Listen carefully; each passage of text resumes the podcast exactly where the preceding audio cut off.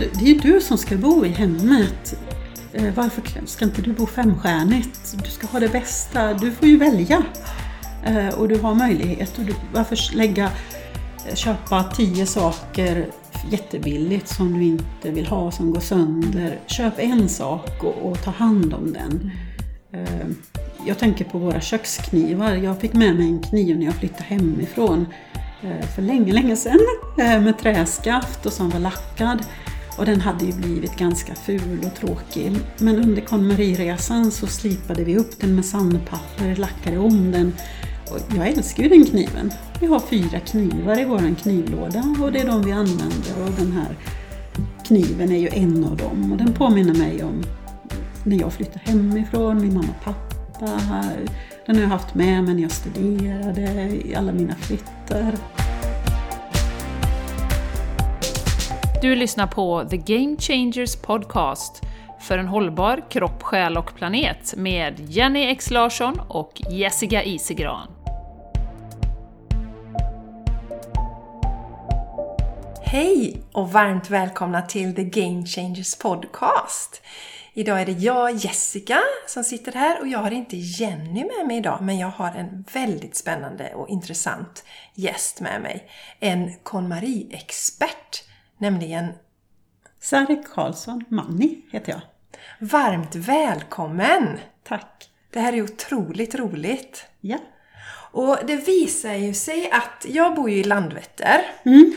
Och eh, ni som har lyssnat ett tag på podden har ju hört att jag har nämnt KonMari emellanåt och jag gör min KonMari-resa här. Och så finns det en fantastiskt trevlig Facebookgrupp. Vad heter den Facebookgruppen? Den heter KonMari Sverige. Helt enkelt. Ja, för jag såg när jag kollade nu att det finns en till, men den har bara 500 medlemmar. Men eran har jag tror jag noterar 23 600 medlemmar. Ja, det stämmer. Det är fantastiskt. Ja, och sen är det ju det som vi pratade om lite innan här, att det är en väldigt trevlig stämning där. Ja, vi har jobbat väldigt mycket med att det ska vara en skyddad plats eller en plats där man får vara sig själv och eh, där vi ska ge support och hjälpa varandra. Inte trycka ner eller komma med dömande. Nej. Och då var det så att eh, jag hittade ju den Facebookgruppen också. Jag vet Ja, inte när det. det var. Nej. Och så såg jag ibland inlägg från Sari och Sari verkar väldigt klok tyckte jag och insatt i Tack, ämnet. Och du kanske var administratör, det var du väl för några år sedan i alla fall? För du var ju med och startade den här gruppen. Ja, eh, rent praktiskt så startade jag gruppen, men vi var några stycken som var med från början. Eh, och vi kom som en liten utbrytargrupp från en annan eh, städordningsgrupp som hette Fly Lady. Fly Lady Sverige tror jag den heter. Eh, där vi pratade om hur vi skulle få ordning hemma. Eh, vi var medelålders mammor som kämpade det här med ordning och reda, städning, alla rutiner man ska göra för att hinna med allt när man har heltidsjobb och barn och allt det här annat som kommer. Och som är roligt. Städning var inte så roligt men något man måste göra. Eh, och eh, vi hittade, det var en i gruppen som sa att ja, men det finns en, en ny spännande bok som de pratar om i de amerikanska grupperna som heter The Life Changing Magic of Tidying Up.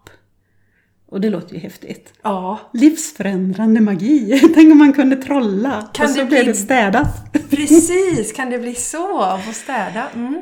Och så beställde jag den boken och då fick man ju beställa den, fanns inte i Sverige. Eh, Jag beställde den och sen så började vi prata jättemycket om den boken. Och då sa de, nej men ni kan inte hålla på och snacka om den, grupp, den boken i den här gruppen, utan ni får skaffa er ett rum. Eh, Så då startade vi den andra gruppen. Och då var vi, jag tror vi var nio stycken från den gamla gruppen som hoppade in där. Eh, Och började liksom hjälpa varandra. eh, Både att läsa boken och förstå engelskan och förstå vad, vad menas med det här. Och eh, började jobba efter den. Det är som en hel metod, hela boken. Eh, Och hon som skrev boken heter Marie Kondo. En japansk eh, liten kvinna. Eh, som eh, hade jobbat med att städa och rensa och organisera och eh, hjälpt sina vänner, gjort det själv. Och sen började hon eh, få så mycket förfrågningar. Folk skrev till henne och ville att hon skulle komma och hjälpa till. Att hon inte hann med. Så det var någonting spännande med den här metoden. Så då skrev hon boken. Ja. Det var för att hon kände att hon hann inte hjälpa alla. Så Nej. då tänkte hon att hon skrev Om jag skriver boken. en bok så kan jag nå ut till fler. När var det hon skrev boken? Eh, oj! Måste jag titta? Ja, jag tänkte just på det där att så... Det är lite intressant där, för det känns ju som ni hoppar på tåget ganska tidigt. För den här Facebookgruppen då, som jag varmt rekommenderar att ni går med i om ni är intresserade av KonMari, KonMari Sverige. Eh, Den startade ni 2014-2015. Ja, det stämmer. Ja. Och boken kom nog ut på amerikanska, eller på engelska, eh, i den vevan. Eh, och innan dess hade hon ju jobbat i Tokyo och det fanns en bok på japanska. Och det var en kvinna som hade översatt den. Hon hade själv gått igenom metoden och översatte den till engelska för hon tyckte att den här måste vi ge ut även i USA. Eh, och den blev en stor succé i, i, i USA då. Eh, och spreds över hela världen. Eh, Så idag är den nog översatt till, ja, jag vet inte, 40 länder eller någonting sånt där. Om inte mer. Det står att på den här boken som du har med dig här, The Life Changing Magic of Tidying Up, så står det 6 million copies sold. 6 miljoner då. Ja, och den blev New York Times bestseller, eh, number one. Då när den kom ut i USA. Eh, så det är ju någonting speciellt. Men hur kan det Ja. vara så kul att städa? Ja, alltså hur, vad, vad är det som gör den så speciell tror du? Alltså vi kanske ska Ja. backa lite och berätta också, vad, vad, vad är det egentligen? Ja, eh, Det, nu har du, du har berört det lite grann, det är en städmetod. ja, och jag, Men... Ja. ja eh, jag brukar säga att det är både en städmetod och en filosofi. Eh, jag jobbar ju som IT-konsult och vi jobbar ju med olika metoder och ramverk. Eh, och eh, jag gillar ju olika metoder. Jag tycker det är så skönt när det finns struktur och ordning och reda. Gör A, sen B och sen C. Och vi jobbar ju med olika typer av metoder i jobbet. Och jag tänkte det måste ju finnas någon som har en smart metod även för det här. Eh, så jag tyckte den passade mig väldigt bra. Men jag upptäckte ju väldigt mycket annat också eh, under tiden. Eh, så Marie Kondo, hon testade ju. Hon provade med olika sätt och hon hade jobbat med klienter, med, med kompisar och vänner och sen som sagt andra som ville att hon skulle hjälpa det, och dem. Eh, Började ta betalt och, och skapade den här metoden utifrån sin erfarenhet. Och hon har ju också tagit mycket influenser från andra metoder. Mm, okej. Eh, hon var ju i Japan Ja. eh, och bland annat eh, om man jobbar inom industrin som jag gör så finns det ju något som heter Lean och Six Sigma och 5S. Metoder som kommer från Japan.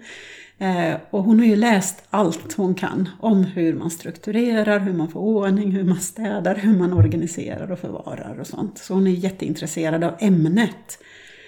Eh, Och hon säger att vi borde ha det som ämne i skolan. Vi får lära oss allt möjligt, men inte att hålla ordning hemma. Det är konstigt. Ja, det är konstigt. Och jag har ju läst den här boken också då, The Life Changing Magic of Tidying Up. Och redan som barn höll hon väl på att städa va? Hon sa att hon älskade att läsa sin mamma sådana här, Eh, jag vet inte vad de heter i Japan, men allt i hemmet och allt de här, där det finns små tips, gör så här för att organisera och städa och få ordning. Och älskar inte folk att titta på så här YouTube-filmer på hur man ska förvara potatisar och citroner och hur man ska sätta på etiketter och vilka lådor man ska köpa och sånt där. Och hon började i skolan, hon räckte upp handen när de ville ha någon som tog hand om klassrummet. I Japan har de en väldigt stark kultur att barnen städar skolan. Så de har kanske inte ens städerskor utan barnen tar hand om klassrummet. Torkar golven och dammar och plockar ordning och vattnar blommorna och ställer ordning saker. Jaha, så där har de ändå lite mer att, men de har inte det som ämne, men Nej. att man får ändå vara med och hjälpa till att städa då redan i Så det skolan. anses som en viktig kunskap att ha med sig ut i livet. Eh, Så hon räckte upp handen och sa att hon ville, hon ville stanna kvar på rasten och städa klassrummet frivilligt. Mm. Eh, Och hon, eh, städade ju hemma i sitt rum och hon städade sin mammas och pappas saker och kläder och allting. Så ja, hon drabbade alla runt omkring sig med sitt intresse. Så ja, det här är ju någonting som hon har gillat hela sitt liv. Verkligen. Ja, Så ja, hon har en bra erfarenhet att ösa ur när hon skrev boken. ja. Och vet vad hon talar om. Och vad tror du det är som gör att den fungerar, den här metoden då? Eh, Det kan ju låta, alltså, stä- vi pratade lite om det du och jag innan här. Sagt, det är en metod och hon säger både först att man ska fundera varför man vill städa. Ja. Så hon kopplade ju väldigt mycket till att hitta den inre motivationen. Eh, Eh, att hitta varför. Eh, och när man pratar om motivationsforskning och sånt så är ju det en jätteviktig del av all förändringsarbete. Att hitta sin vision, att förstå varför man gör någonting. Och det är något vi jobbar också. Jag jobbar som projektledare så är det ju jätteviktigt att definiera varför i början av ett projekt. Eller alla andra förändringsresor man gör i företag. Eh, när, när du har gjort det så ger ju hon också väldigt tydliga riktlinjer i vilken ordning du ska göra saker. Så du börjar alltid med dina kläder och sen tar du böcker och sen tar du papper och sen går du över i allt annat som finns i hemmet. Och det kallar hon för komono. Det är ett japanskt ord som betyder barn till saker. Så all, allt smått, små saker eller miscellaneous på engelska som finns i ett hem. Men även de delar hon upp i kategorier.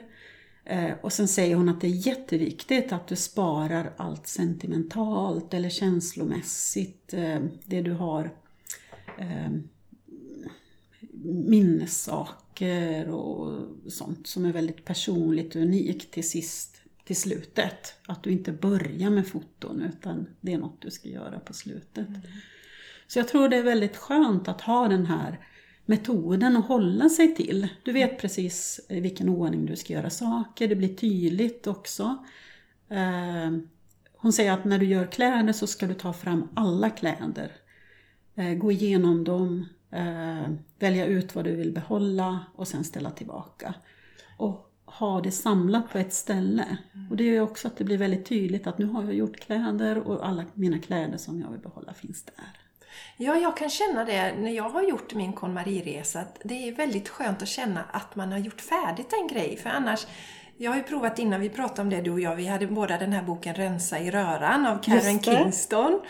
Och, Med eh, feng shui. Ja, precis. Feng shui, ja. Och vi har nosat på det också. Mm. Men jag kom aldrig riktigt i mål med, med det eh, på Nej. den tiden. Men jag tänker just det här att det är kategorier så känns det, det är så tydligt. Nu har jag gått igenom det och så får man ju en kick också. Ja. När man har gått igenom, man får ju energi Mm. av det här sättet att rensa. Precis. För att det är en viktig del, det är ju när man väljer ut det här Ja. vad man ska spara, som skiljer sig.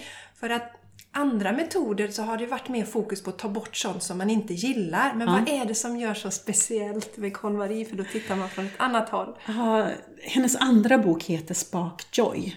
Eh, och hon säger att när du väljer ut kläderna som du vill behålla, då ska du känna på dem. Du ska hålla i plagget, håll det nära kroppen och försök att hitta din Spark Joy. På japanska heter det Tokimeko. Eh, och det betyder eh, hjärtfladder eller hjärtklappning. Något som får dig att le, något som får dig att känna lycka, som, som lyfter upp energierna i dig. Eh, och hon säger att allt vi omger oss med och allt vi har i vårt hem, det är ju våran fristad, det är ju där vi ska vara lyckliga, det är där vi ska omge oss med saker som ger oss glädje och energi. Och att vi ska leta efter det. Och det är lite speciellt.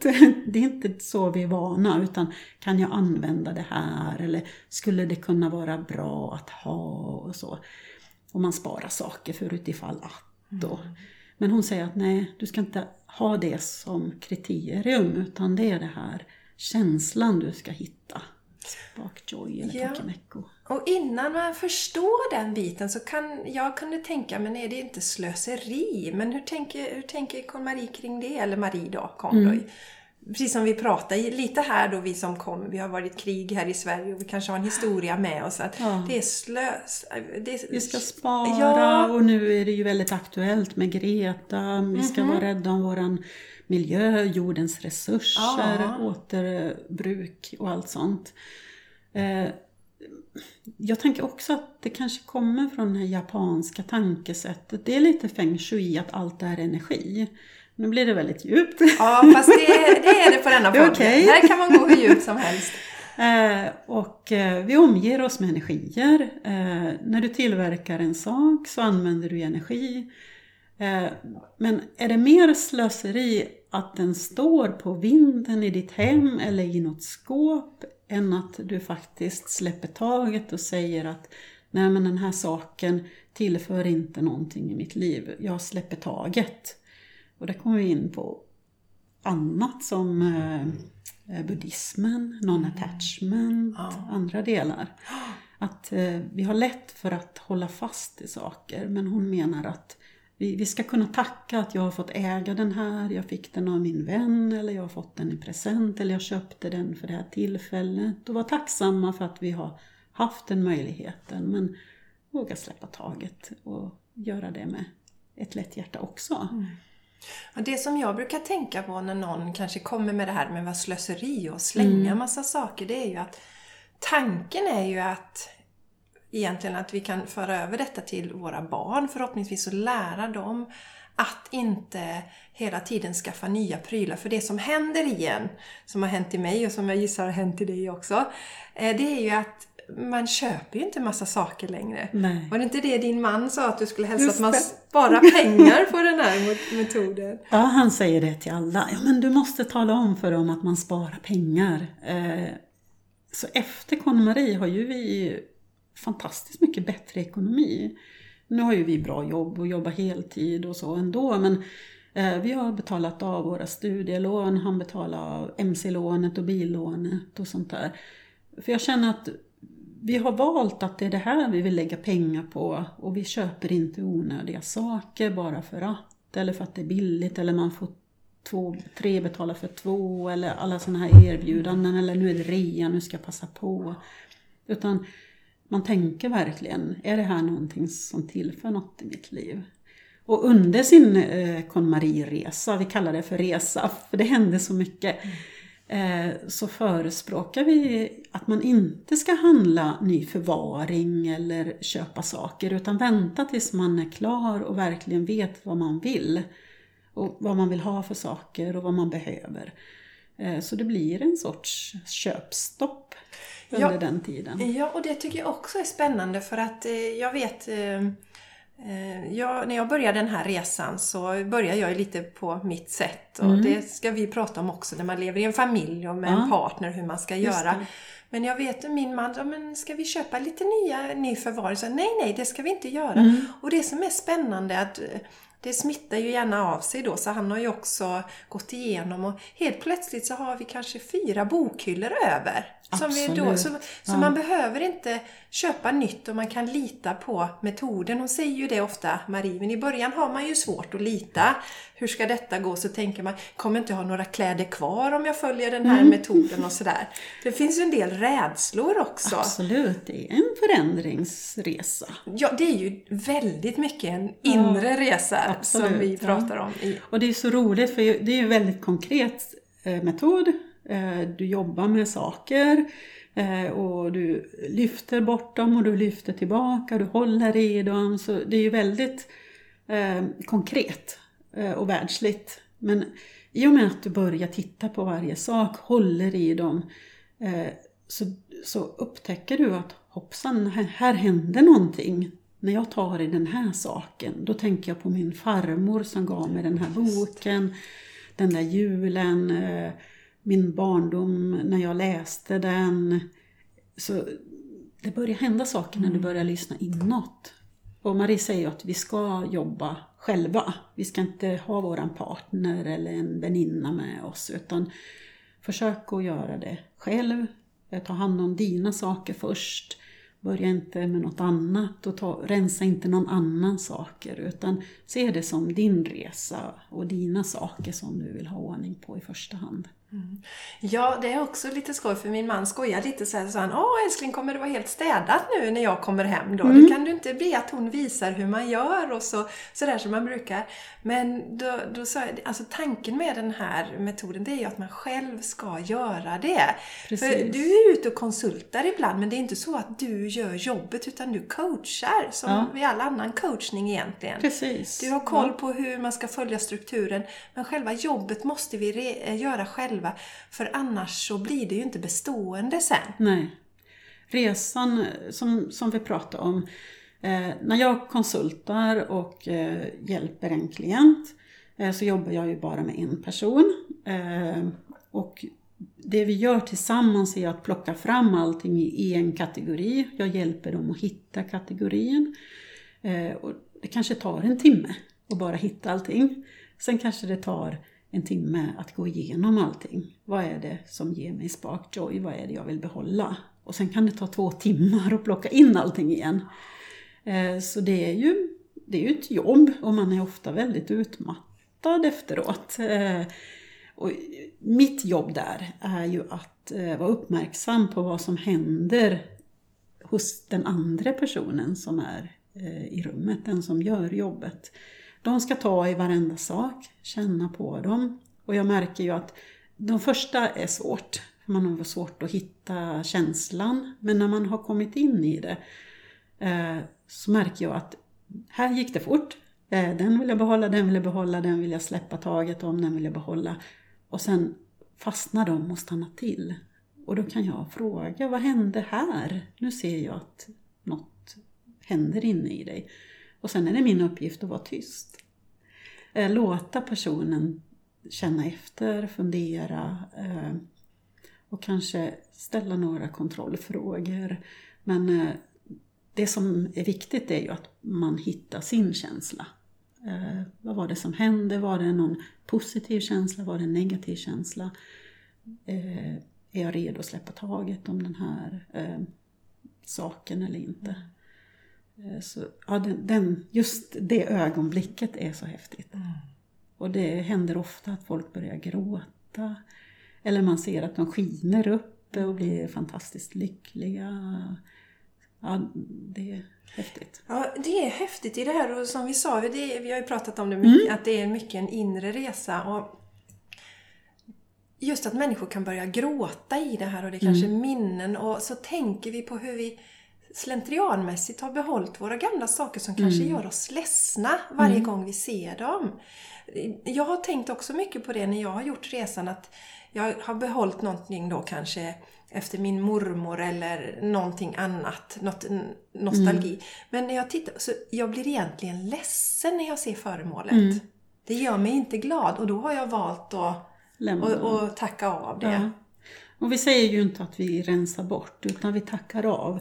det är viktigt. Eh, Kan du berätta lite om det här är med också tacka det av? här, eh, jag tycker det är spännande med neuroforskning och eh, metoder som jag sa. Och eh, i och med att jag jobbar som projektledare så jobbar jag mycket med förändringsprocesser på företag. Vi bygger ett nytt system och sen ska vi införa det och folk kan reagera på jättemånga olika saker på den här förändringen. Eh, och jag ser precis samma saker händer i KonMari-processen. Att eh, man, man behöver ha en, någon sorts ödmjukhet att eh, det här påverkar folk. Eh, att eh, titta på sina saker och välja att eh, behålla eller ta bort dem. Eh, och att eh, fylla oss med tacksamhet. Jag, jag tänker att det är också buddhismen, eh, att det finns väldigt mycket dessutom hjärnforskning som säger att det händer saker i våra neuroner, kopplingarna i hjärnan när vi visar tacksamhet. Och eh, både att vara tacksamma över det vi har men också att vara tacksamma över det vi har upplevt, det, vi har, det som har lett oss dit där vi är idag. Och även om någonting gör dig ledsen så kan du vara tacksam för, den, eh, för att du lärde dig någonting. Eh, för att du inte behöver vara i den situationen längre. För att eh, du har vuxit som person. Du nämnde ju din barndom och din mamma. Att det, det är saker som är jobbiga i våra liv. Men det gör att vi växer som människor. Eh, Och eh, ger oss någonting. Och det kan man ju vara tacksam för. Mm. Även om man inte vill ett litet barn illa. Så, så gjorde det något med den personen som har blivit jag eh, Ja. till slut. Men det är just det där, jag tycker det är superintressant det där hur vi inte är helt medvetna om hur vi påverkas av det runt omkring. Nej. Och om vi då har saker omkring oss som vi blir glada av istället Ja. eh, så höjer det ju vårt humör, helt klart. Och det blir ju så fantastiskt när man har gjort en kategori så folk säger att åh, jag måste gå till min garderob och öppna dörren eller dra ut den där lådan över eh, kökshanddukarna för det är så fint och jag blir så glad varje gång jag öppnar lådan. Eh, och det blir ju, det är ju du som ska bo i hemmet. Eh, varför ska inte du bo femstjärnigt? Du ska ha det bästa, du får ju välja. Eh, och du har möjlighet. Och du, varför lägga, eh, köpa tio saker jättebilligt som du inte vill ha, som går sönder. Köp en sak och, och ta hand om den. Eh, jag tänker på våra köksknivar. Jag fick med mig en kniv när jag flyttade hemifrån för länge, länge sedan. Med träskaft och som var lackad. Och den hade ju blivit ganska ful och tråkig. Men under konmariresan så slipade vi upp den med sandpapper, lackade om den. Och jag älskar ju den kniven. Vi har fyra knivar i våran knivlåda och det är de vi använder. Och den här kniven är ju en av dem. Och den påminner mig om när jag flyttade hemifrån, min mamma och pappa. Den har jag haft med mig när jag studerade, i alla mina flyttar.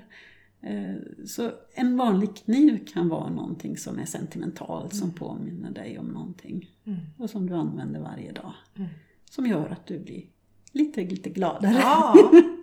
Jag tänkte på en sak nu som jag funderar över. När vi, vi delar hem ehm, Mm. Marie är ju tydlig med, och du har ju nämnt det också, att eh, man ska börja sin resa själv. När man känner att nu är jag redo för det här. Och det är därför man också börjar med kläder. Absolut. Det är mina kläder, sen tar man böcker. Och papper kan ju vara, är väl tredje kategorin. det Det, kan man ju någorlunda ta, där har man sitt eget också. Sen funderar jag på Eh, Sen, sen blir det ju inte sällan så att de runt omkring blir intresserade. Och, Men en fundering jag hade, om det nu är så när vi går på de gemensamma sakerna och så upptäcker jag att jag har en sak som ger mig glädje, oho, men min man han tycker inte alls om den här saken. Hur gör man i en sån situation? Den där fula vasen du har fått av faster Ragda. Exakt! Exakt. Eh, Marie säger att vi kan lära oss att älska någonting för att din man älskar ju dig och han ser hur lycklig du blir av den här illgröna vasen. Så kan han ju lära sig älska den vasen också för att den han bor ihop med och som han älskar, älskar den. Ja. Eh, Så hon säger att det, det går att lära sig. Man kan se det lite som en gåva till sin partner Ja, egentligen då. Mm. också. Eh, Och det tänkte jag, för jag har ju ändå hjälpt klienter där de bor flera stycken i samma hushåll. Och eh, tyvärr ser jag ibland att en partner finns överallt och har sina ställen och sina saker och sina hyllor och eh, tar plats. Och den andra partnern, jag brukar fråga din, eh, din sambo, din partner, har hen någon plats i, i huset? Var, för de klagas, ja men han ställer sina saker här eller hon har grejer överallt. Men vet hon han vart de ska vara? Nej, det har du rätt i. Han har ingen plats eller hon har ingen plats eller så. Man har inget eget utrymme helt enkelt Nej. att ha sina saker på. Ja, och det tycker Marie också trycker på, att alla ska veta att det här är min plats, där kan jag ställa mina saker och där får de vara i fred. Även mina fula saker, eller det som den partnern inte gillar. Ja. Eh, Så ja, känna att man har sin, sin plats. Eh, Hon pratar också om powerspot. Har du någon plats där du kan samla dina saker och känna att här samlar jag energi? Mm, lite som ett altare eller hur? Ja, eh, det är ju väldigt vanligt i Japan att du har ett altare. De är andliga på ett annat sätt. De- De är ju inte... det är inte religion på det sättet, så de Nej. har en helig bok, men de är väldigt andliga. Ja. Eh, Jag har ju varit i Japan och jobbat också. Ja. Och på fabriksområdet hade de ett litet tempel. Eh, Vi gick ut dit med min kollega. Hon berättade att eh, de brukar alltid ge eh, andarna lite sake och lite ris och sånt. Mm. Ja. Och att det liksom var helt okej, vanligt där.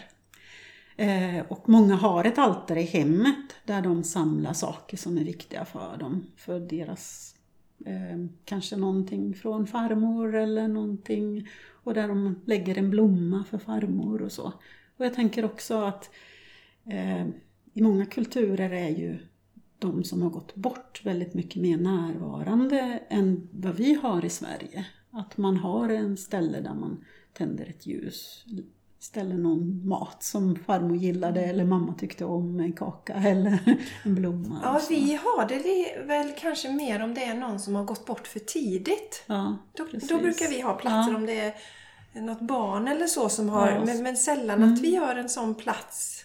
Rent allmänt. Nej, det är ju väldigt fint. Ja. Men har du ett sånt altare hemma hos dig? Eh, I klädkammaren eh, har jag hängt upp kläderna och sen har jag ju vikt kläderna enligt KonMari-metoden. Och sen har jag satt, hängt upp mina smycken, valt ut dem jag gillar. Eh, och sen har jag en liten bild av min man och mig när vi gifte oss. Åh, fint. Eh, och så har jag ett litet fat som jag har fått av en vän som det står eh, Let it sparkle. eh, så varje morgon när jag går in där i klädkammaren så ser jag ju vårt bröllopsfoto och det känns så här, det är ju det är bara för mig. Våra gäster går ju inte in där och så. Utan det är också lite så här, man kan göra någonting vackert av något som är väldigt alldagligt. Och vi pratar ju mycket i den här podden om självkärlek. Vi ser Ja. att det är en brist på det. Ja. det vi behöver ju boosta oss själva. Vi är så bra på att kritisera oss själva. Ja. Och att ha den här platsen som bara är för dig. Mm. Det ger ju en väldigt skön start på dagen. Ja, eh, och det kan ju vara annars en fåtölj, något ställe där du har din bok eller där du sitter och läser eller skriver din dagbok eller gör journaling eller eh, så det kan vara olika. Det, Har man smått så kan det ju vara ett hörn i en soffa eller ett kök, en köksstol eller någonstans. Men där du känner att ja, men, här kan jag landa och här kan jag få tänka och här kan jag Vad var det hon kallade den platsen? Det var... Eh, powerspot Ja, eller powerspot. altare eller men Ja, någonstans där du kan tanka energi. Ja, Det är ju jättefint. ja, Och, och särskilt då som du sa, du, vi kom in på det just det att du märker ibland att det finns sådana i hushållet som faktiskt inte har en plats. Eller ja, vet vad de ska precis. göra sina... Ja, och det är sorgligt. Ja, det är det. Eh, jag vet ett par jag hjälpte och han, eh, eh, han höll på med sina båtar. Eh, och han, han hade en symaskin och han hade tyger, han ville sy, sy kuddar till båten och gardiner och göra om där. Eh, så, men han hade ingenstans där han kunde ha grejerna. Så vi samlade ihop allting i en bokhylla som plötsligt fick plats över när hon hade gjort, gått igenom sina grejer. Och vände på skrivbordet. Lite feng shui också. Ja. Så han hade en vägg bakom sig eh, och fick styrka. Mm. Och det blev ju hans powerspot, tänker jag. Att eh, där kunde han få ha sina saker. Åh, vad fint. Ja. Det är jättefint. Eh, har du, är, det, är det mycket, har du stor efterfrågan på konsultingen här i Sverige? Hur funkar det? Eh, jag vet att det är några stycken som... Jag var ju i New York och gick Marie Kondos seminarium. Hon vill ju lära ut metoden så som hon använder den. Och då vill hon att folk kommer på utbildning. Och utbildningen har gått i New York och gått i London. Eh, går bara några gånger per år. Eh, jag vet inte om de har bokat årets utbildningar än. Eh, så då är det ett tre dagars seminarium. Eh, man går igenom metoden och hur man jobbar som KonMari-konsult. Så jag har gått det seminariet och jag har börjat konsulta. Men för att få en certifiering så behöver du konsulta ett antal timmar. Du ska göra ett prov, du ska gå igenom en intervju och sen ska du betala licenskostnad till Marie Kondo. Eh, jag jobbar ju heltid, jag har två barn. Och eh, jag räknade ut att jag kommer aldrig att få tillbaka licenskostnaden ens genom att konsulta om jag inte lägger rätt mycket av min fritid eller sluta jobba och gör det här istället. Och jag har inte känt att det, det är försvars, försvarbart eh, för mig. Nej, du vill inte gå den vägen Nej. helt enkelt. Så du kör lite konsultande Ja. när det... Så jag har ju gjort eh, eh, en del av resan liksom, men jag är Mm. inte certifierad och jag tillhör inte hennes certifierade konsulter. Mm. Vi har några stycken i Sverige som har gått utbildningen, som har gjort provet, Mm. gått igenom intervjun och betalat certifieringsavgiften. Och, men det är också svårt i Sverige. Vi är inte riktigt eh, vana eller bekväma att folk kommer in. Eh, man får inte rotavdrag för KonMari Consulting. Eh, rotavdrag får man för städning. Det här anses som mer kvalificerat. Du kan få rotavdrag för den delen som handlar om städning. Så man får ju ändå ta, för mig, att byta ut mitt IT-konsultjobb mot KonMari-konsultjobb skulle göra att mina priser hade blivit så höga. Så jag tror att det är få som skulle Ja. ha råd med det. ja, vi är inte riktigt där. Vi, det kan man nog förstå. Ja. Så det finns, det är nog lättare i andra länder, både där man är mer van att ta in folk, där man har eh, folk som sköter trädgården, som städar, som gör saker. Eh, eller eh, där det finns kanske mer folk med mycket pengar Mm. än i Landvetter. Mm, Ja, precis. En i Landvetter. Ja. Eh, sen tycker jag det är fantastiskt, men det, det tar väldigt mycket energi.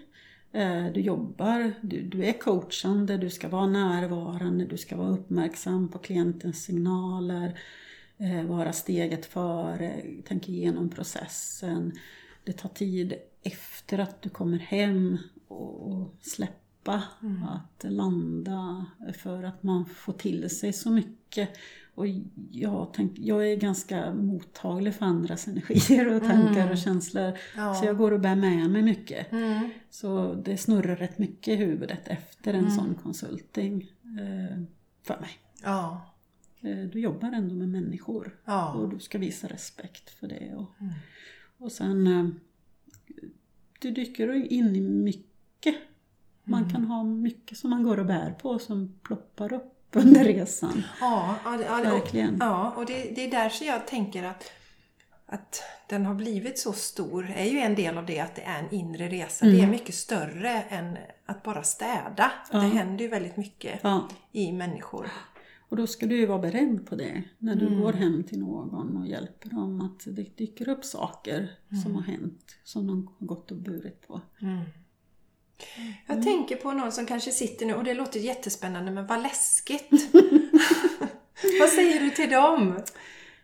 Eh, allt blir ju vad du låter det vara. Eh, jag tänkte ju inte på den inre resan när jag började på det sättet. För mig var det bara, jag vill få mer ordning. Jag vill inte vara en mamma som springer runt och letar efter mina nycklar och barnens matlådor varje morgon och som blir arg och irriterad och sur. Och de ska gå till skolan och känna att mamma bara skällde i morse. För att vi inte hittar saker hemma. Utan jag kände att för att vi ska ha en bra miljö eller hem, ett hem där vi trivs så behöver vi hitta det vi har och vi har för mycket saker. Eh, så för mig handlade det i första hand, det var väldigt konkret, jag vill få mer ordning. Och jag började. Det andra kom som bonus. Ja, precis. Så att man behöver inte vara ängslig. Utan Nej. det jag brukar säga, det är som med alla resor vi gör. Så vi, ah, det vi får till oss, det brukar vi klara av. Det är Ja. likadant om man börjar med yoga. En del börjar med yoga, kanske bara den fysiska yogan och det händer inte Ja. särskilt mycket. Och sen börjar det hända lite på resan. Ja. Du berättade när du testade yoga första Ja. gången att det var en jättestor upplevelse för dig. Helt fantastiskt. Ja, så det är lite olika vad Mm. vi är och vad det leder till. Så att det är det som är så skönt. Man kan börja med den här metoden och så får, så får man se vad det leder till. Ja. Och alla kanske inte upplever lika stor förändring eller påverkan. Eh, rent fysiskt som sagt när du börjar med dina kläder. Du sa men jag kanske inte har något att ta på mig. Men eh, det är ju ingen som kommer och snor kläderna som du har rensat bort. Märker du att du måste ha kvar de där byxorna för du har inga kvar så tar du tillbaka dem. Mm. Det, det, är ju inget, det är inte farligt på det sättet. Eh, och så inser du att ja, men jag behöver kanske ett par andra byxor som inte är helt nedslitna eller som jag känner mig bekväm i. De här mm. funkar inte. Eh, och likadant är det ju med alla saker. Mm. Det är ju inte någon som plötsligt de försvinner ju inte Nej. av sig själv Nej. utan det är ju du som tar beslutet. Det är upp till dig vad du vill göra av resan och hur mycket du vill göra. Ja, och då kan man tänka också, man upplever, nej jag upptäcker nu att jag har inga byxor som jag tycker om till ja. exempel. Och då behåller man dem och sen på sikt kanske man tänker att när de har gått sönder så byter jag ut det för nu vet jag vad jag ska välja istället. Precis. Att det blir ett, ett annat tänk i det. Ja. Absolut. Alltså, jag brukar säga att det är klart man ska ha kläder på sig så man kan gå ut och man kan åka till jobbet. Men du kanske börjar fundera. Mm. Eh, vad är det som gör att jag bara har svart när de som ger mig sparkjoy är gula och röda och gröna? Eh, varför har jag behållit det här plagget? Det ger mig ingen Tokimekko. Jag blir inte alls lycklig av den. Ja, men den köpte jag på semesterresan till ett varmare land för att jag skulle ha en kjol för att allt jag hade med mig var för varmt. Mm.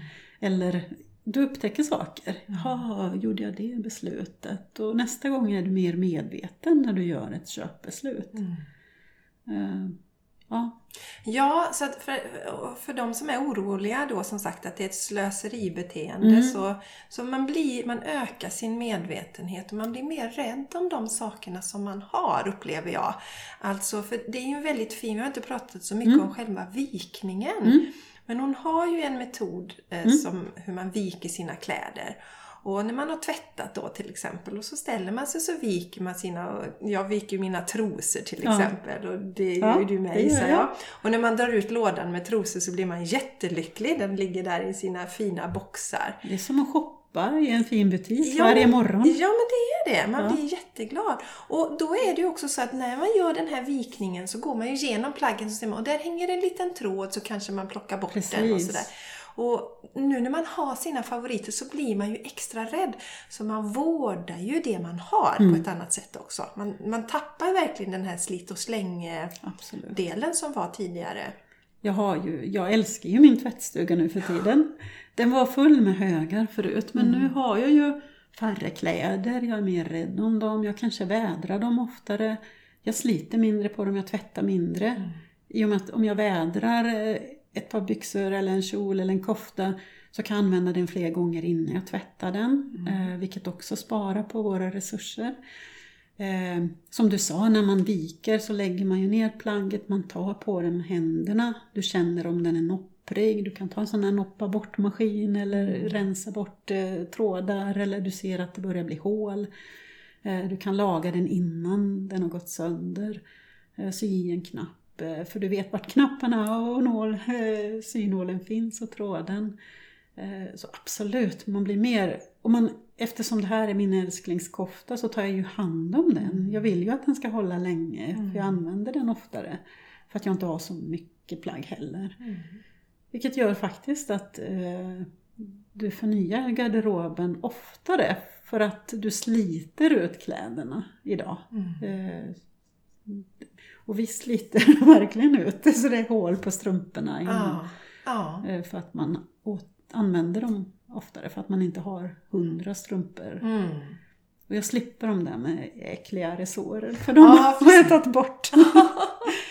jag får välja, är det en älsklingsstrumpa A eller B mm. eller C som ja. jag ska ha idag. Om man inte bara har de här fultrosorna som, eh, som är för stora och söndriga och grå och allt ja. vad de är. Så, nej, jag tycker det är jättefint att man Alltså det är ett sätt att visa respekt för, för sig själv också. Och det jag tycker att eh, den där stunden blir en stund av mindfulness. Jag behöver inte sätta mig och hålla på med mindfulness för jag står i tvättstugan mm. och jag tänker på sonen, jag klappar om hans t-shirt och viker mm. den. Jag tänker på dottern om jag tar hennes kläder. Min man stryker sina egna skjortor. Oh, oh. Honom får jag klappa någon annan gång. Oh. Men det blir mindfulness. Du Mm. landar, du andas, du känner efter, du är, du är där. Mm. Eh, Så jag tycker att det blir ett sätt att vara mer närvarande Mm. i vardagen. eh, I, i, I det du gör. Hur gjorde du rent praktiskt när du började med din resa? Mm. Du gjorde, en, gjorde du från rätt håll gjorde en målbild först? Eller hur gjorde du när du började och hur var din resa tills du kom i mål? Vi pratar ju mycket om målbild, men jag tänker att det är egentligen ditt syfte, din vision. Varför vill jag göra det? För mig var det jättetydligt. Jag vill inte vara... Jag vill inte att mina barn ska komma ihåg att jag skällde på dem varje morgon Mm. för att vi letade efter saker innan vi skulle till skolan. Eh, Så det var jättetydligt. Jag vill det här och jag gör det för min skull. Eh, Och jag tar mina saker. Eh, Så jag har inte skrivit ner den eller ritat upp den. Men jag tycker man ska ändå fundera varför är det här viktigt för mig. Eh, eh, Och sen tog jag mina kläder. Jag tömde hela klädkammaren. Nu har jag en lyx. Vi har en liten sån walk-in closet. Den är inte stor men den får plats nu. Jag tog alla mina kläder, la dem på sängen precis som hon säger. Och valde ut det som jag faktiskt använder, det jag älskar, det jag tyckte om. Eh, och eh, ja, sen tog jag mina böcker. Eh, och jag är en bokmänniska. Jag läser mycket, både lånar, lyssnar på böcker, köper böcker. Och jag samlar på böcker hela mitt liv. Så de där boklådorna har följt med varenda flytt. Men nu tog jag, varit, vi har varit med i bokklubb liksom, med kompisar. Och jag tog alla de böckerna och ställde i travar på golvet längst ner i vårt suterränghus. Och insåg att eh, hela golvet var fullt med mina böcker. jag tog också min mans böcker men jag sorterade ut dem så han fick ett litet hörn. Barnen fick också, jag har köpt barnböcker också. Så de fick sina böcker. Och sen gick jag igenom allting. Och det var den svåraste kategorin. Jag grät. Det var så mycket med böcker. Jag, jag älskar ju både romaner och jag hade köpt böcker för jag tänkte att jag ska börja baka surdegsbröd och sen insåg jag att jag ska inte äta gluten. Så det var så här, bara, ah, jag kommer aldrig att bli en ny Jan Hed. Eh, Dyra böcker, tjocka böcker, fina böcker. Några gav jag bort och sen åkte jag med kassa till Stadsmissionen eh, och lämnade. Och det var så fantastiskt för jag grät ju hemma. Men när jag kom till Stadsmissionen så var de ju så lyckliga. Och tack, vad fina. Och, och så inser man att där jobbar någon person som kanske inte kan få så många andra jobb. Eh, som får sin lön från det här. Eh, sen kommer det någon fattig student, eh, hittar någon bok billigt. Så jag tyckte jag gjorde jättemånga människor glada genom att åka dit med dem. Ja, fint. Hur kändes det när du var färdig med bokkategorin då? Hur kändes det inom dig då? Det var det du sa om fyra tomma bokhyllor. Eh, Jag hade bokhyllor överallt. I, I sovrummet, eh, i vardagsrummet, nere i liksom barnens rum, överallt. Eh, Så vi fick flera bokhyllor som var tomma efter det här. Så, och, och det var skönt. Jag inser idag att jag kanske skulle kunna eh, göra om böckerna. Ja, gå igenom dem igen helt vilka enkelt. är det som, vilka är det jag vill ha kvar idag? Mm. Vilka är det jag behöver och vill ha med i mitt liv framåt? Mm. Eh, För att man förändras. Eh, Men nu vet jag ju var alla böcker är och de Mm. är samlade och jag har gått igenom dem en gång så det är inte så många längre. Men de har en tendens att föröka sig. Förökar de sig fortfarande böckerna Ja, det gör Det de. gör de. Mm. Jag lyssnar jättemycket på poddar och lyssnar på ljudböcker. Jag går till biblioteket. Men vissa böcker, jag älskar ju att ha en bok. Mm. När jag åker på semester och läser i sängen Mm. och så. Det är något speciellt med de fysiska böckerna. För du har ju med dig, hur många är det? En, två, tre, fyra? Är det fyra KonMari-böcker som Ja. du har med dig nu? Mm. Eh, Jag har med mig The Life Changing Magic of Tidying Up. Mm. The Japanese Art of Decluttering and Organizing av Marie Kondo. Det var hennes första bok. Just det. Eh, Sen har jag den svenska översättningen av samma bok. Eh, Den är så rolig för den heter Konsten att städa. Inte alls lika kittlande titel. Nej, verkligen inte. Och så är den så här dammvipp soppa som gamla husor hade. Ja, den känns inte alls så lockande. Och jag har inte läst den, men jag har förstått så har den fått lite kritik där. Eh, jag är lite ledsen för att eh, när det blev en sån New York Times bestseller så ville ju man ge ut den även på svenska. Och de tog in en översättare som eh, kanske inte hade gjort metoden själv. Och eh, du kan läsa den och du får till dig metoden men det är mycket av nyanserna som hade kunnat lyftas fram på ett helt annat sätt. Ja, för de använder inte Spark Joy heller va? Det är något annat uttryck som känns ganska... Är det, ja, och de, det är något begrepp där, ordning på torpet. Just det, ordning. som känns lite så här gammaldags kanske.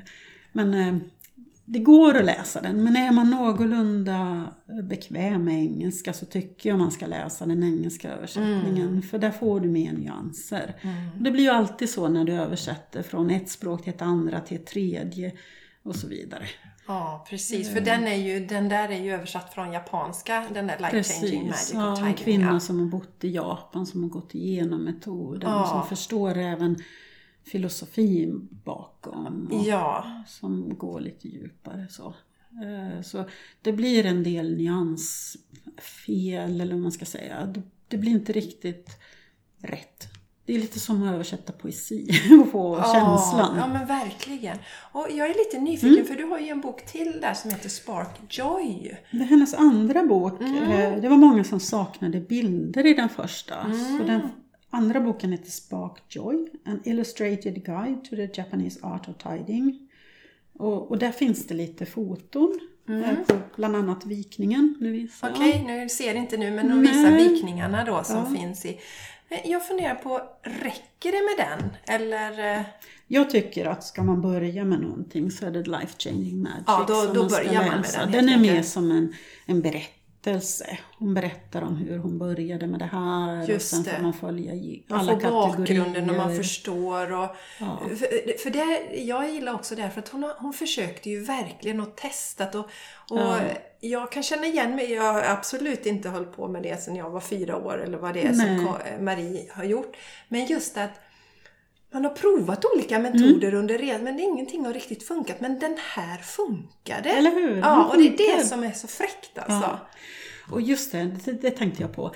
Apropå motivation och förändringshantering och resor. Så just de här delkategorierna blir ju som en sorts delmål. Du mm. får fira ofta, känna att du kommer framåt. Eh, vilket också jag tror är styrkan i metoden. Mm. Att du delar upp elefanten i bitar mm. så du, du tar inte allt på en gång. För det blir lite kaos under resans gång. Mm. Speciellt när du kommer in i de här gemensamma kategorierna. Mm.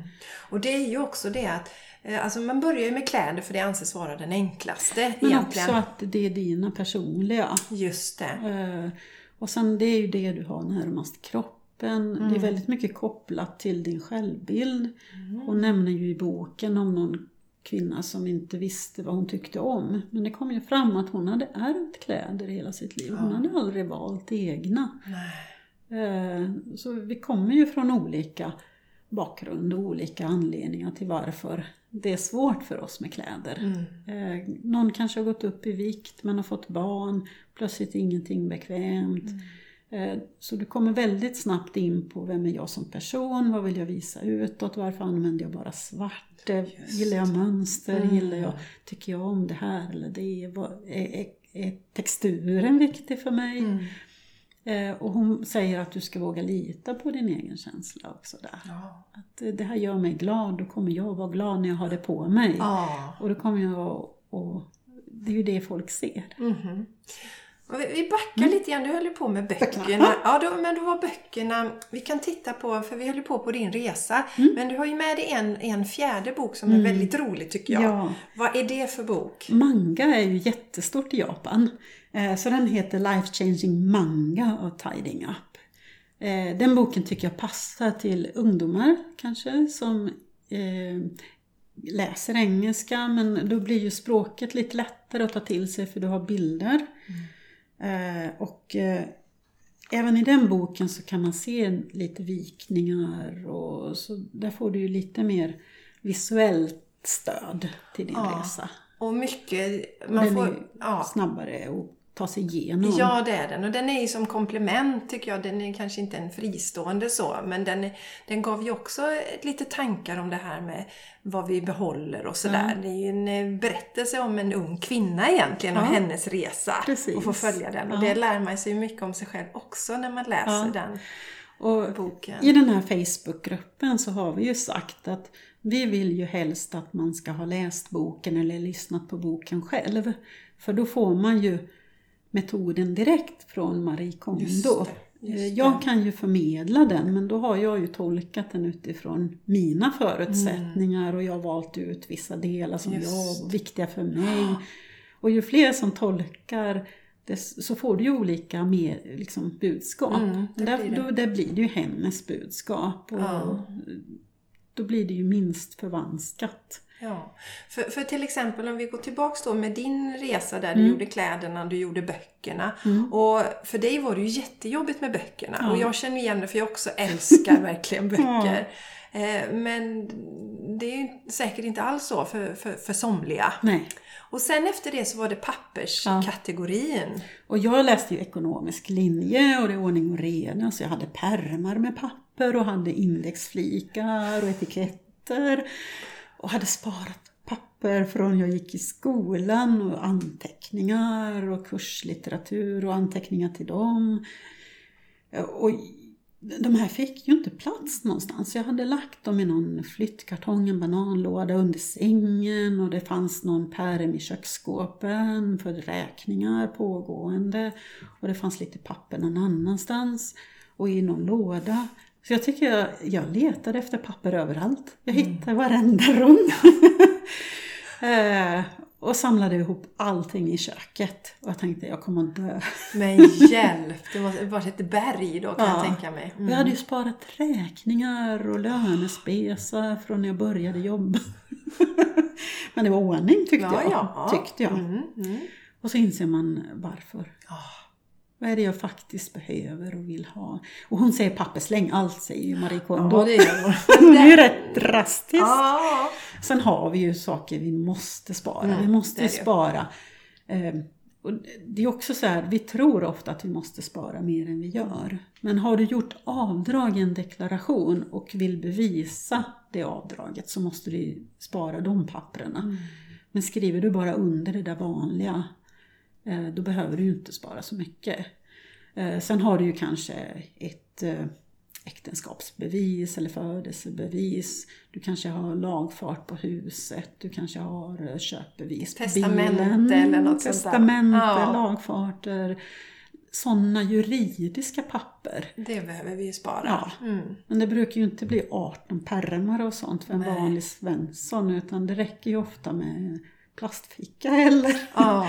eller att du har det i samma pärm som någonting annat. Ja. Jag Undrar, är det, undrar om det är lite typiskt svenskt det här med, med, med spara papper och sånt där? Det, Ja, det finns en rädsla att ja, men det kan behövas. Mm. Eh, idag finns det möjlighet att spara digitalt Mm. eh, som också kan bli ett dilemma såklart. Mm. Eh, men ja, Mm. Jag hade också en eh, sån här pärmar för varje år och saker som, som gamla Ja. lönespesar och sånt. Och vad skönt det var att slänga allt Ja. det där. Och det finns ju, man kan ju läsa på på nätet vad man verkligen behöver spara Ja. om man känner sig orolig Precis. för det. För det, Ja. det kanske inte täcks, för det är inte riktigt Nej, samma där får bestämmelser. man ju i- tänka på vad Ja, det kanske man inte kan utgå från. KonMari utan Mm. där får man ju titta på det. Men sen efter papper, vad var det, hade du tagit igenom de här Ja. papperna. Vad var nästa steg då för Då var det ju Kommono. Mm. Vad gjorde du Eh, då? Och det då? är ju de här alla andra små saker du har i hemmet. det, just det. Och då finns det, eh, det finns ingen eh, checklista eller ingen lista över allting i Marie Kondos bok. Eh, däremot om man går konsultutbildningen så får du en checklista. Ja. Och det finns många sådana här listor på nätet om man söker på KonMarie checklist. Eh, och i Facebookgruppen har vi översatt några till svenska. Mm. Men man upptäcker ganska snart att det är jättesvårt för vi har så många olika preferenser, hur många Ja. saker, hur många kategorier vi behöver. Ja, är, Det är lite personligt där. är man student och bor i, hemma eller... eh, ja. Ja. Men där tycker jag, för där har jag tittat på dem, det tycker jag är bra att skriva ut dem som finns på, i Facebookgruppen. Så har man att utgå ifrån, Ja. så får man ju se hur det applicerar, bara för att få en förståelse för vad det kan handla om. Precis. Så hon har ju eh, några kategorier som hon nämner i boken. Och det är badrum. Eh, och det är kök, laga mat och servera. Det är kök, matvaror. Eh, städa. Eh, kontor. Hobby, media. Verktyg och hemmets underhåll. Möbler och dekorationer. Eh, och sen under det finns ju många underkategorier. Så försök att hitta en checklista som du känner att den här är lagom stor för mig. Ja, Sen kan du stryka och lägga till kategorier eller Just underkategorier. Vi hade någon kvinna i Facebookgruppen som hade samlade på buddha-statyer. Och som den här paret jag träffade, han hade ju båt, eh. Ja. Så det finns, det finns ju det finns ju ingen som kan hitta på alla kategorier som nej, finns. nej, det är ju omöjligt. Det är Ja. omöjligt. Marimekko-servetter. Ja, Det Sari är ju från Finland här så jag Ja. tänkte jag tog fram lite Marimekko-servetter Ja. och Marimekko-förkläde och så. Ja. Muminmuggar, det kan man ju inte ha på en allmän lista. Nej, utan det har nej. ju jag, men det är inte alla som har det. Nej. Nej. Nej, så och när var du klar med, när började du, för, för det sista är ju den här komono då, det är Ja. ju sista Nej, kategorin. efter Förlåt, kommer är sen- sentimentalt. Det har du rätt i. Och vad är sentimentalt för något då? Eh, Jag brukar säga att det är det som är väldigt personligt, det är unikt, det går inte att ersätta. eh, Och det är någonting som just du tycker är viktigt för dig. Eh, Och jag samlade allt sånt i en, en hylla. Foton ingår här, dagböcker, mm, kanske presenter som du har sparat från när du var liten. Jag har en liten, liten sån porslinsfigur, en tjej som jag har sparat. Kanske någon legofigur, det kan vara Marie Kondo har någon t-shirt eh, som hon har i den kategorin. Så det kan vara från alla andra kategorier. Det är saker du inte använder, det är, det är minnessaker som du vill behålla eh, av någon anledning. Mm. Och foton, idag tar man kanske inte så mycket eh, Fysiska, fysiska nej, foton. Väldigt många digitala blir det Ja. ju, men inte så mycket Eh, fysiska. Så hon säger ta det fysiska i första hand, för det är ju det som tar upp plats i hemmet. Ja. Eh, Så, men många vill ju även gå igenom sina digitala foton när de Mm. går igenom den kategorin. Och herre gisses, tänker Mm. jag, så många digitala som vi har. Och då säger jag, tänk på samma sätt som för papper. Ja, Eh, vad är det du vill spara? mm, ja just det. Så försök att välja ut Ja, titta på det istället. Ja, ja det. För det, det är det som blir lite tyvärr, att man tar 70 särskilt när man har små barn. Ja. N- Nu då. Mm. Eh, Vi hade ju ingen, alltså det var inte digitalt på det sättet, men när mina stora killar var små. Mm. Ja. Så det finns ju, det är lite mer humana mängder. Mm. Men Charlie har man ju tagit 70 000 Det var inte på så bara man köpte en rulle med 24 bilder så 24 fick man skicka in den. och vänta tålmodigt och en gång hade inte rullen gått igenom så då blev det inga bilder. Nej. Nej, men välj där också. Om Mm. du har 14 bilder på bebisen och i samma dag, samma situation, i, Mm. ligger i vaggan eller vagnen, så kan du ju välja en. Mm. Eller du kanske inte ens behöver välja en av just dem, utan du väljer några stycken när de var bebis. Mm. Måste man ha art- 1800 bilder av Nej, det- bebisar? Nej, och där är väl också någon typ av rädsla. Ja. Och, och också det här med att kanske tänka på att, eh, det ser man ibland, skriv ut bilderna och sätt upp dem istället Ja. då. Och, och, och låt Du dem vara funderar, levande. ja, när de... hur vill du använda de här bilderna? Mm. Du kanske vill skriva ut de bästa och sätta upp i hallen i en Mm. tavelram eller du kanske vill ha en fotobok med de bästa bilderna som får dig glad och lycklig Mm. Ja. och minnas de där stunderna vi Ja. hade. Eh, Så försök tänka så. Mm. Och ett tips där också är att sätta en timer. För det är en jättestor kategori och det kan kännas oöverkomligt. Ja, smart. Så sätt en kvart, tio minuter, en halvtimme och så säger du, "Nej, men nu sätter jag och gör så här länge. Och sen får jag ta en paus. Ja, det är jättebra. För Ja. att jag, jag har ju gått igenom de flesta. Mm. Jag har en, en del på Kommuno kvar. Bland annat fotografierna. Och jag kände verkligen där, det är en för en stor elefant alltså. Men Ja. det där var ju ett grymt tips. För då blir det mer, just de här små målen. Nu har jag gjort en litet Jättebra. delmål. Ja. Mm. Och sen, sen, men du har ju gjort hela din resa. Ja, och då kanske du också har brev. Eh, om du som jag hade brevvänner när du var yngre. Mm. Du kanske har dagböcker. Jag skriver ju också jättemycket. Så jag hade jättemånga dagböcker och det, det var varierande innehåll i dem. Mm. Hon säger att det är okej att riva ut sidor. Ah. Även vanliga böcker. häda, häda, säger många. Ja. Eh, dagböcker kan du också riva ut bara den sidan som du vill behålla. Eh, jag gjorde, man kan göra en ritual av det, man kan göra sig av med grejerna genom att elda upp dem. Mm. Man kan, eh, vissa säger du kan blöta dem i vatten för du vill inte att någon annan ska hitta de där sidorna någonstans. Du kan strimla dem. Gör, någon, gör något avslut. Mm. Att det här var jag när jag växte upp. Och Mm. tänk med lite eh, värme och medkänsla. Ja. När du tänker på den här tjejen eller killen Mm. som växte upp och, och kanske hade jobbigt i tonåren, funderade mycket vad de ville göra med livet.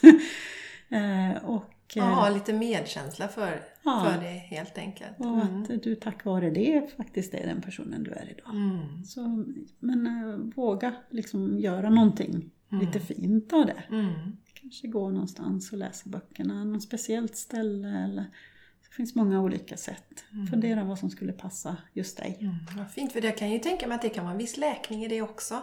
Eventuellt att läsa det, Absolut. att se det utifrån ett annat perspektiv. Och du sa ju att du hade fått din mormors Ja, dagböcker. ja.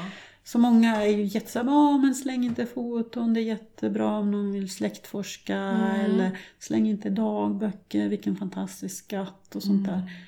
Men eh, du kanske ändå vill veta vad det är för dagböcker du vill spara. Ja, alltså, men min mormors dagböcker, hon skriver inte så mycket om känslor i sina dagböcker. Mm. Utan det är mer beskriv, det kan ju vara någonting, men det är mer beskrivande vad hon har gjort och vad familjen gör och livet på den tiden. Ja. Jättespännande tycker jag. Medan mina dagböcker då var kanske när man inte mådde som bäst när man var Mm. Ja. tonåring. Och jag känner att jag vill egentligen inte att någon ska läsa det. Så det kan man, vill man att någon ska läsa det, Ja. det kanske är för känslosamt. Då Och jag kände av med det då. när jag skrev syrran är dum så hade vi ju bråkat och jag var i affekt och då var det ju Ja. mitt sätt att få ur mig det. Mm. Eh, Då gick inte jag och sparkade pensionärer på stan utan jag Nej. skrev det i min dagbok. Ja. Och det är ju klart nu. Jag kommer Mm. inte ens ihåg varför jag tyckte det idag. Så det, det finns liksom inget syfte. Syftet var ju just i den stunden att få skriva av mig och känna Exakt. att Ja men precis. Så, det, så, Så man det har kanske inte ska uppfyllt sitt behålla... syfte. Ja, Ja. exakt. Så det kanske man inte alltid ska behålla sina gamla dagböcker. Så jag känner att jag behövde inte behålla dem. Nej, nej, nej, jag känner också. Jag har faktiskt mina dagböcker kvar men jag tror Ja. att det kommer ryka väldigt mycket av dem faktiskt. Jag, det, nej, det är Sen vet jag en person, hon ville skriva en bok om sina upplevelser så Mm. hon sparade dem. Men jag sa, men spara i så fall bokprojektet som en egen kategori. Ja, just det. Och, och spara det där. Mm. Eller släktforskning eller vad det nu kan vara. Mm. Vilka, vilka av de här bilderna skulle jag vilja spara till en släktforskning?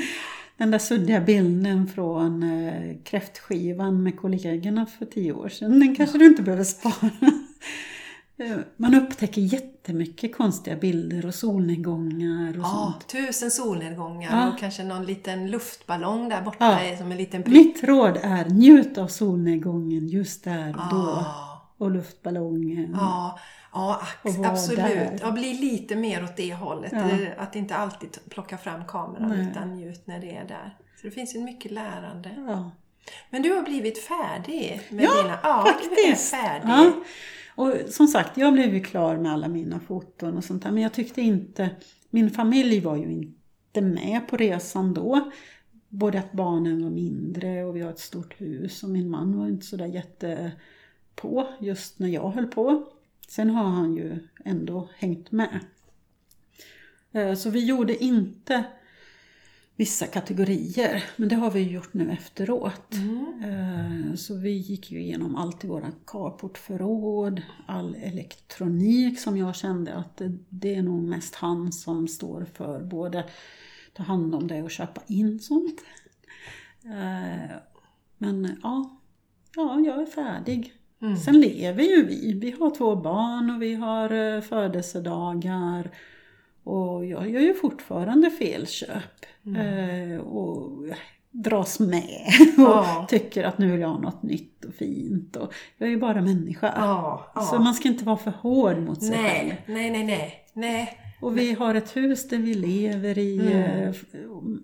Och- barnen har kompisar och de går på kalas. Och liksom, det finns ett inflöde. Ja, det finns ett inflöde och ibland är det stökigt. Det är som jag brukar säga att vi lever ju inte i en alltså i ett sån inredningsmagasin Nej. utan vi lever ju här också. Ja. Men just den där som är så himla bra som vi väl egentligen kanske inte har nämnt direkt nu att varje sak ska ju ha en plats. Ja. Och det är inte alltid man, man kan uppnå det. Alltså vi tänker då, jag pratade lite om Char, det är våran sexåring för jag började ju resan Alltså efter han föddes med Kon-Marie och, sen, och innan hade han fått ärva saker från sina bröder och kusiner och sånt där. Så han hade ju för mycket redan från början i sitt rum. Så att det är ju svårt ibland att hitta en plats. Men vi jobbar ju med det och han blir ju äldre och han säger när han vill göra sig av med saker. Och han lär sig vad han vill ha. Nu Ja. har han ju ärvt mycket. Eh, och som föräldrar och morföräldrar, farföräldrar köper saker. Så när, när du är sex år så har du ju inte så mycket egna pengar. Det är inte du som tar besluten. Nej. Utan det kommer till dig. Ja. Eh, Men vi kan ändå lära barnen att börja våga känna efter och vara med och välja ut vad är det faktiskt jag tycker om och våga att eh, säga tack. Eh, Farmor var jättesnäll som köpte det här och jag älskar henne. Men det sitter inte i den här saken som jag fick av henne. Utan, Nej, nej, precis. Det sitter inte i saker. Vi har ju faktiskt Kon-Maria, Charlie har Kon-Maria sina kläder. Mm. Och, det, och det är ju spännande hur de ändå har mycket det i sig. om, Och vet vad han vill ha och så. Ja. Mm. Så var det någonting han slängde häromdagen. Så sa tack så mycket och så stoppade han det ja. i soporna. Och jag grät ju nästan när barnen gick igenom sina böcker och bara ratade Ja, ja, saker. det där får man ju inte lägga sig i Nej, alltså. för då fick jag ju bita Ja, det får man göra. Ja, det är en viktig del också Mm. i det här att inte lägga sig i någon annans rensning och kanske inte låta någon se vad man har rensat Mm. ut. Så att inte, ja men det där kanske du ska spara. Mm. Och, Det du kan göra är om barnen rensar ut någonting som är viktigt för dig. Det är ju att säga det här är sentimentalt för mig. Mm. ja, För den här läste jag för dig när du var liten så den vill jag spara. ja, Men då får du ta ansvar för det själv. precis. Jag har faktiskt en låda som jag har skrivit nostalgi, Jessicas nostalgilåda på. Ja. Där har jag stoppat sådana Ja, saker då som, Precis. som jag känner är... Ja. Och sen, jag tycker också, det vi inte pratar om så mycket i gruppen är ju det här med rutiner. Eh, Marie Kondo pratar ju om Ja, just det, du menar i Facebookgruppen? Ja. Nej? Mm. Utan eh, att, eh, att man varje dag plockar bort det man har tagit fram, att allt har ett hem, du vet vart du ska ställa det.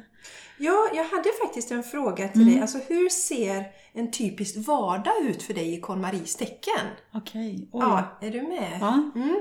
Eh, jag har ju börjat att plocka fram kläder på kvällen och det blir så lätt när du har, har det samlat och jag har sorterat det på färg och kategori så jag vet ju en underdel och en överdel och alla färger passar ju för att det är ju de färger jag tycker om. Och, så jag har inte, jag går inte efter modet utan det jag tycker om.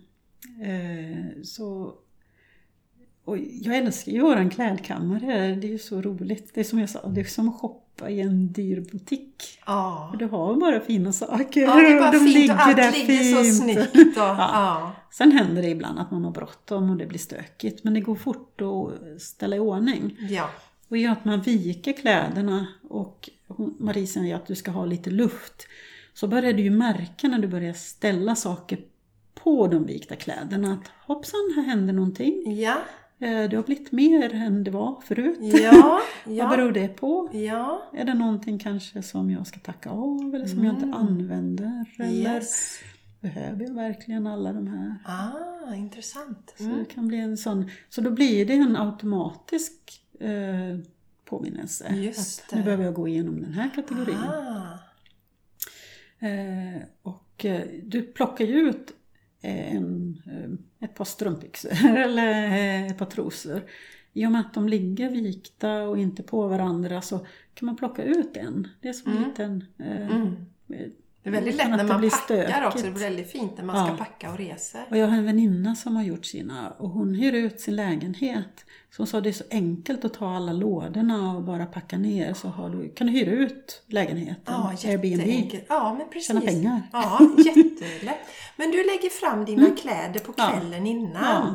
Och, och sen... Och sen, eh, eh, ja, jag tänker inte vara KonMari. Jo, jag hade en kompis på besök som sa det är så roligt för du har ju KonMari i badrummet för att handdukarna ligger rullade i en korg nere i vårt badrum. Och jag har ju inte jättemycket längre.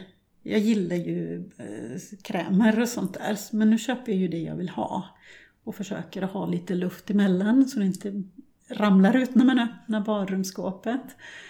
Eh, och, jag minskar ju mängden och väljer ut favoriter. Ibland vill man ju prova något nytt. Mm. Och då kanske man upptäcker en ny favorit eller så upptäcker man att nej det här ska jag inte ha. Ja.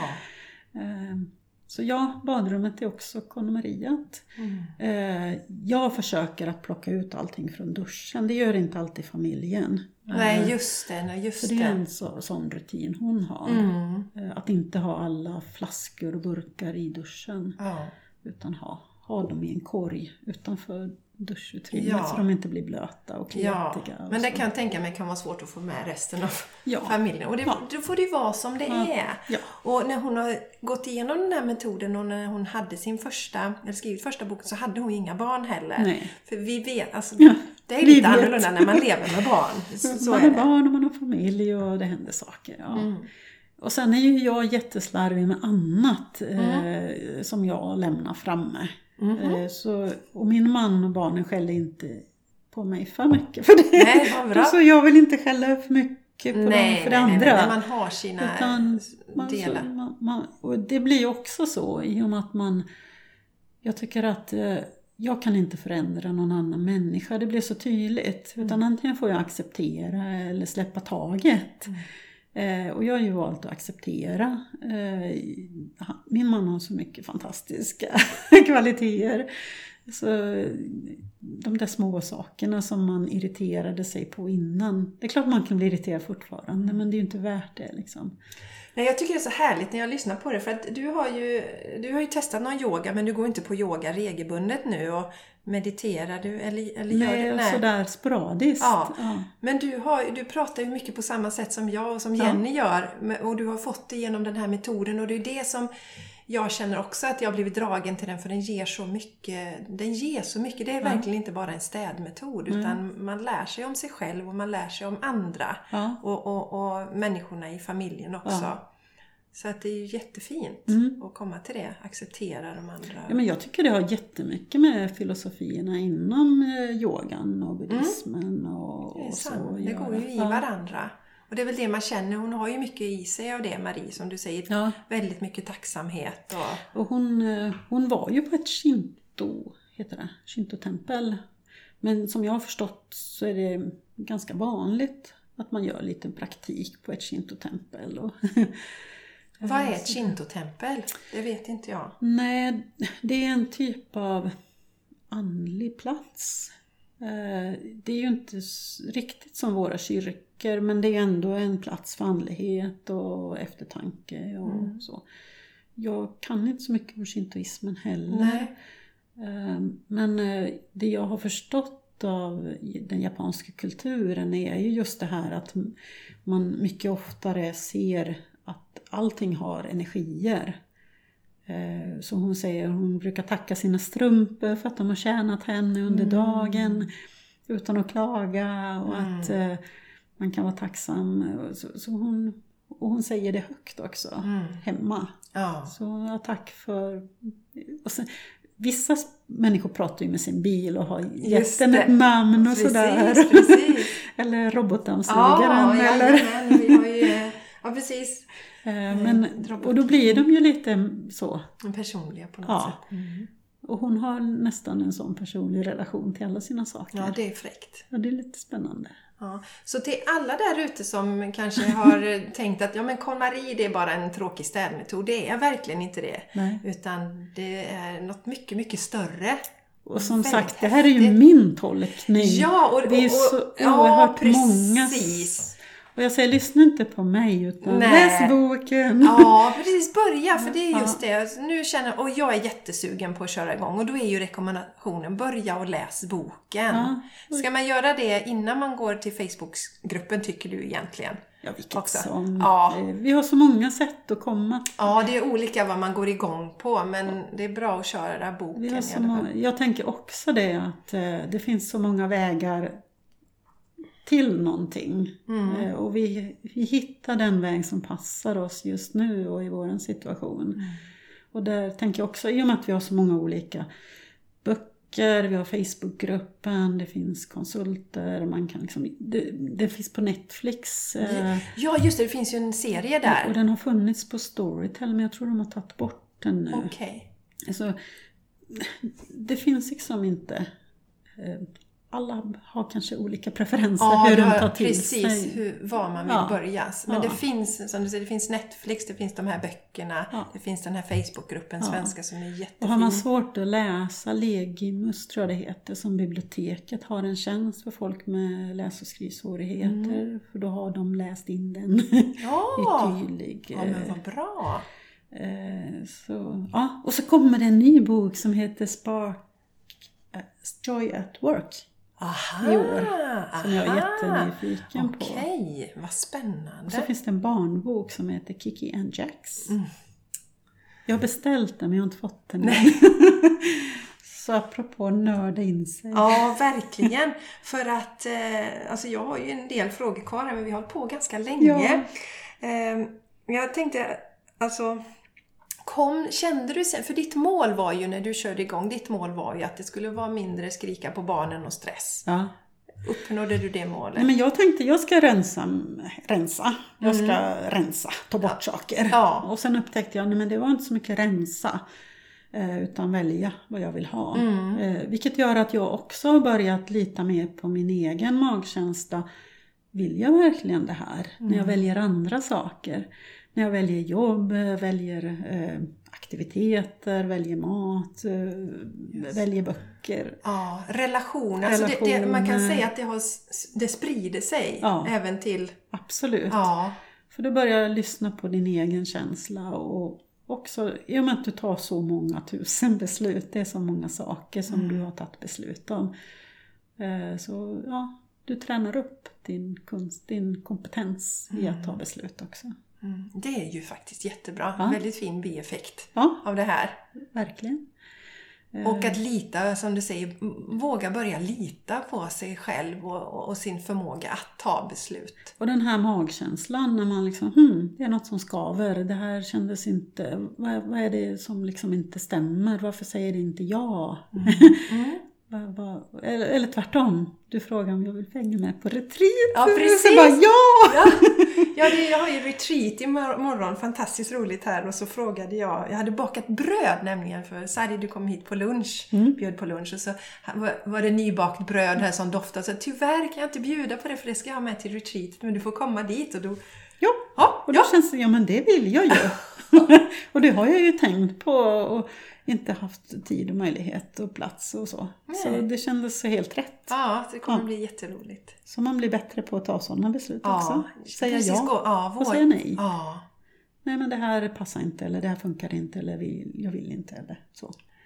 Du, Sari, vi har, det känns som vi skulle kunna prata hur länge Eller som hur? helst med Ja. det här. Jag tänker nu, om man nu är intresserad av att ko- komma i kontakt med dig, så här, åh, jag skulle vilja anlita dig. Var hittar man dig då? Hur får man tag på dig? Oj, eh, jag har inte haft eh, konsulttimmar eh, längre. nej, okej. Jag har, men det finns andra som tar klienter. Mm. Jag vet inte just i Landvetter kanske, men runt omkring. Nu har vi ju lyssnare i hela Sverige. Så att, kanske i Spanien. ja, Jag tycker även i Norge har vi Ja. lyssnare och Danmark. Så att, det bästa tipset är ju att gå med i Facebookgruppen om man har Facebook. Känner du till då, jag ska bara säga, nu har vi, jag vet att vi har både norska och danska Mm. lyssnare. Vet du om det finns någon motsvarande? Ja, det Ja, vet jag. Ja. Eh, Och det var några norska och danska deltagare som har gått i alla fall seminariet. Sen vet jag Just inte om de är det. Men certifierade. finns det några norska och danska Facebookgrupper? Vet du det? Eh, Vi har en del danska och norska i våran Facebook. Okej, så det kanske inte så det funkar. Det funkar, ja precis. Man kan gå med där, Ja. det är inga problem. Nej. Mm. Eh, och sen har ju Marie Kondo, konmarie.com, konmariink.com, Ja. eh, en hemsida där alla certifierade konsulter är listade. Ja, det är väl någon svenska då Ja. förstås. Ja, då Så kan man ju kolla där om man vill ha en som är certifierad. Ja. Och sen då. kan man ju kanske eh, hitta någon i Facebookgruppen som har gått resan och vill hjälpa till. Mm. Eh, Så det finns kanske olika sätt. Men vi är ganska duktiga på att coacha i gruppen. Mm. Eh, Jag, jag har begränsat mig till att hålla föreläsningar. Ja, precis. Du föreläser ju också. Ja. Du har, du, det är en i Borås. När, Ja. ja. när är den? 6 februari, så det är nästa vecka. Nästa Näst, nästa. Vi ska se när detta avsnitt... Detta avsnitt det är inte nu på tisdag detta avsnittet Ja, sänds, just utan det är tisdagen därpå Mm. då. Så 6 februari 2020. Just det. Och du har, du har haft föreläsning här i, i Mölnlycke också, va? Eller? Eller det... Ja, jag fick kontakt med Studieförbundet Vuxenskolan så de har lagt in det på sin intranät Ah. eh, att jag håller föreläsningar. Ja, så man kan boka upp det. För jag tänker nu kanske någon lyssnare också känner wow vad spännande, vi vill ju ta in det på en föreläsning. Vart, vart Så- vänder man sig då? då? Studieförbundet Vuxenskolan är bra. Mm. För det jag tycker är bra det är att de ordnar lokal och fika och tar anmälningar Ja, och ja, så du sånt. kommer bara in och giggar bara där liksom. Ja, det låter ju, ja, men det låter ju Ja, jättebra. Mm. Det brukar vara väldigt trevligt. Vi, jag försöker hålla det väldigt mycket, att det ska finnas plats för dialog och frågor. Det är ju därför jag är där live. Mm. För att eh, träffa människorna som, Ja. eh, och man ska kunna ha, prata Just det. Och ha med sig frågor. Och jag tar med mig böcker när man kan bläddra i dem och se om man vill köpa någon eller boka någon på biblioteket. Och jag tar med mig exempel på checklistor och, Mm. och så.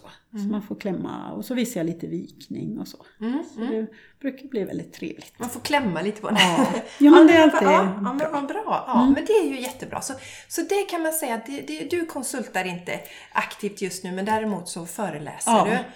Men däremot som sagt, jag hoppas ju att det ska finnas en marknad för konsulter. Jag tänker ju på, ja. Ja. men jag tänker på sen då den här nästa steg som kommer för arbetsplatser. För då Mm. finns det ju en helt annan, eh, oftast de kan satsa lite mer pengar på det. Så Ja. att man kanske inför, ska bli jätteintressant Ja. att se vad det handlar om. Och det finns ju idag Six Sigma och Lean och de Mm, här. ja men precis. Eh, Så ja, jag kan tänka mig att um, mindre företag kanske är lite modigare och vågar ta in Just en sån här KonMari-variant. Eh, Jag tänker stora industrier kanske är lite för fyrkantiga. Ja, men det är min kanske, Ja, fördom. men många har ju tagit in lin så att eh, ja. men man får se. Men det Ja. kanske ligger något i det. Men är det något annat sådär som du, du skulle känna, och det här hade jag velat berätta idag eller säga? Eh, Det finns ju också Youtube eh, som Mm. du kan söka på. Vi har ju en tjej som heter Filippa, Mm. Filippa Skog som har gjort lite Youtube-filmer. Så det finns ju så olika sätt att ta till sig. Ja, det gör så, det. Söker man på KonMari och googlar på det så kan man hitta rätt mycket. Ja, Ja. och så brukar man hitta det som passar en. Men jag tänkte generellt, är det något annat du skulle vilja säga om KonMari som du tycker att vi inte har fått med idag? Eh, Jag trodde aldrig att jag skulle fortsätta så med KonMari som jag har gjort. Men det har verkligen eh, eh, förändrat jättemycket i mitt sätt att tänka. Eller satt spår. Så ja, våga, våga. Ja. Hur, hur, hur fortsätter du att mata dig själv idag så att säga? Eller gör du det i ditt dag? I och med att du har det KonMariet runt omkring så du får... eh, Är du med på vad jag menar? Eller för, Jag hänger fyller- kvar i Ja, Facebookgruppen. precis. Vi har en grupp som heter Klar med KonMari. Eh, Jag håller föreläsningar, jag har läst om boken. Ja. Jag hittar nya saker varje gång. Eh, Det är få böcker jag läser om, men Ja. just den här är en sån som har gett mig mycket att läsa om. Mm. Och få inspiration och hitta nya saker. Ja, för, för att när man läser den, för, när man börjar så kan det ju vara mycket som du säger, nu hade du det här att du ville ha mindre stress på morgonen Mm. och så, men det kan ju vara så enkelt att man vill bli lite mer ordningsam Ja. i livet. Mm. Bara, ha det mindre stökigt omkring sig. Men det är också precis, alltså, det är ju en resa att läsa boken och också man kan hitta nya saker, andra infallsvinklar och så när man Ja. läser den igen. Man växer ju med och, och jag kan tänka mig, ja, man, även när man har gått igenom allt så kan man fortsätta och växa och lära sig nytt. Oavsett intentionen från början så blir det en personlig utveckling. Mm. För du lär dig mycket om dig själv och vilka val du har gjort i livet Ja. tidigare och vad du vill ha kvar med Ja. i livet framåt. Ja, det är jättespännande. Ja. Ja. Hoppas nu att ni blir jättesugna på att testa det här. ja, det tycker jag. Ja. Mm. Våga testa. Ja, våga testa och se om det är. Har du bara lite funderat så, så tveka inte Nej. utan testa och hitta den. Nu fin, fick ni ju flera olika idéer om hur ni kan Ja. börja resan. Ja. Och, och jätteviktigt är det också, vi har ju nämnt det lite grann att eh, börja själv, eh, även om du bor i en familj. Och tänk inte så mycket på vad de andra gör utan börja din resa. Ja. Eh, Och tycker du att det känns svårt så börja med strumplådan eller någonting Just litet. det, något riktigt litet där. Ja. Ja. Mm. Ja. Ja. Jättetack för att du kom hit. Det var jätteroligt att prata. Jag kan ju prata jättelänge om det Ja, här. det är klart. Vi får se, det kanske blir något mer avsnitt i framtiden. Ja. Men det var jättespännande. Sen när jag... den Joy at Work kommer. Ja, då får vi kolla. Vad handlar det om? Ja. Jättespännande. Ja, tack. Ja. Och lycka till med dina, dina föreläsningar. Tack så mycket. Och eh, det blir intressant att höra. Och Mm. det känns ju som vi har ju fått lära känna varandra nu också och Ja. lär ju hålla kontakten Ja, det med. hoppas jag. Ja, jätteroligt. Ja. Och världen är ju inte så stor Nej, när vi bor i Landvetter. Landvetter. Mm. Mitt, i, mitt i världen. Ja. Men jättetack som sagt för att du ville vara med. Tack. Och eh, tusen tack till er som har lyssnat. Och eh, ha en helt fantastisk dag så hörs vi nästa vecka. Hej då!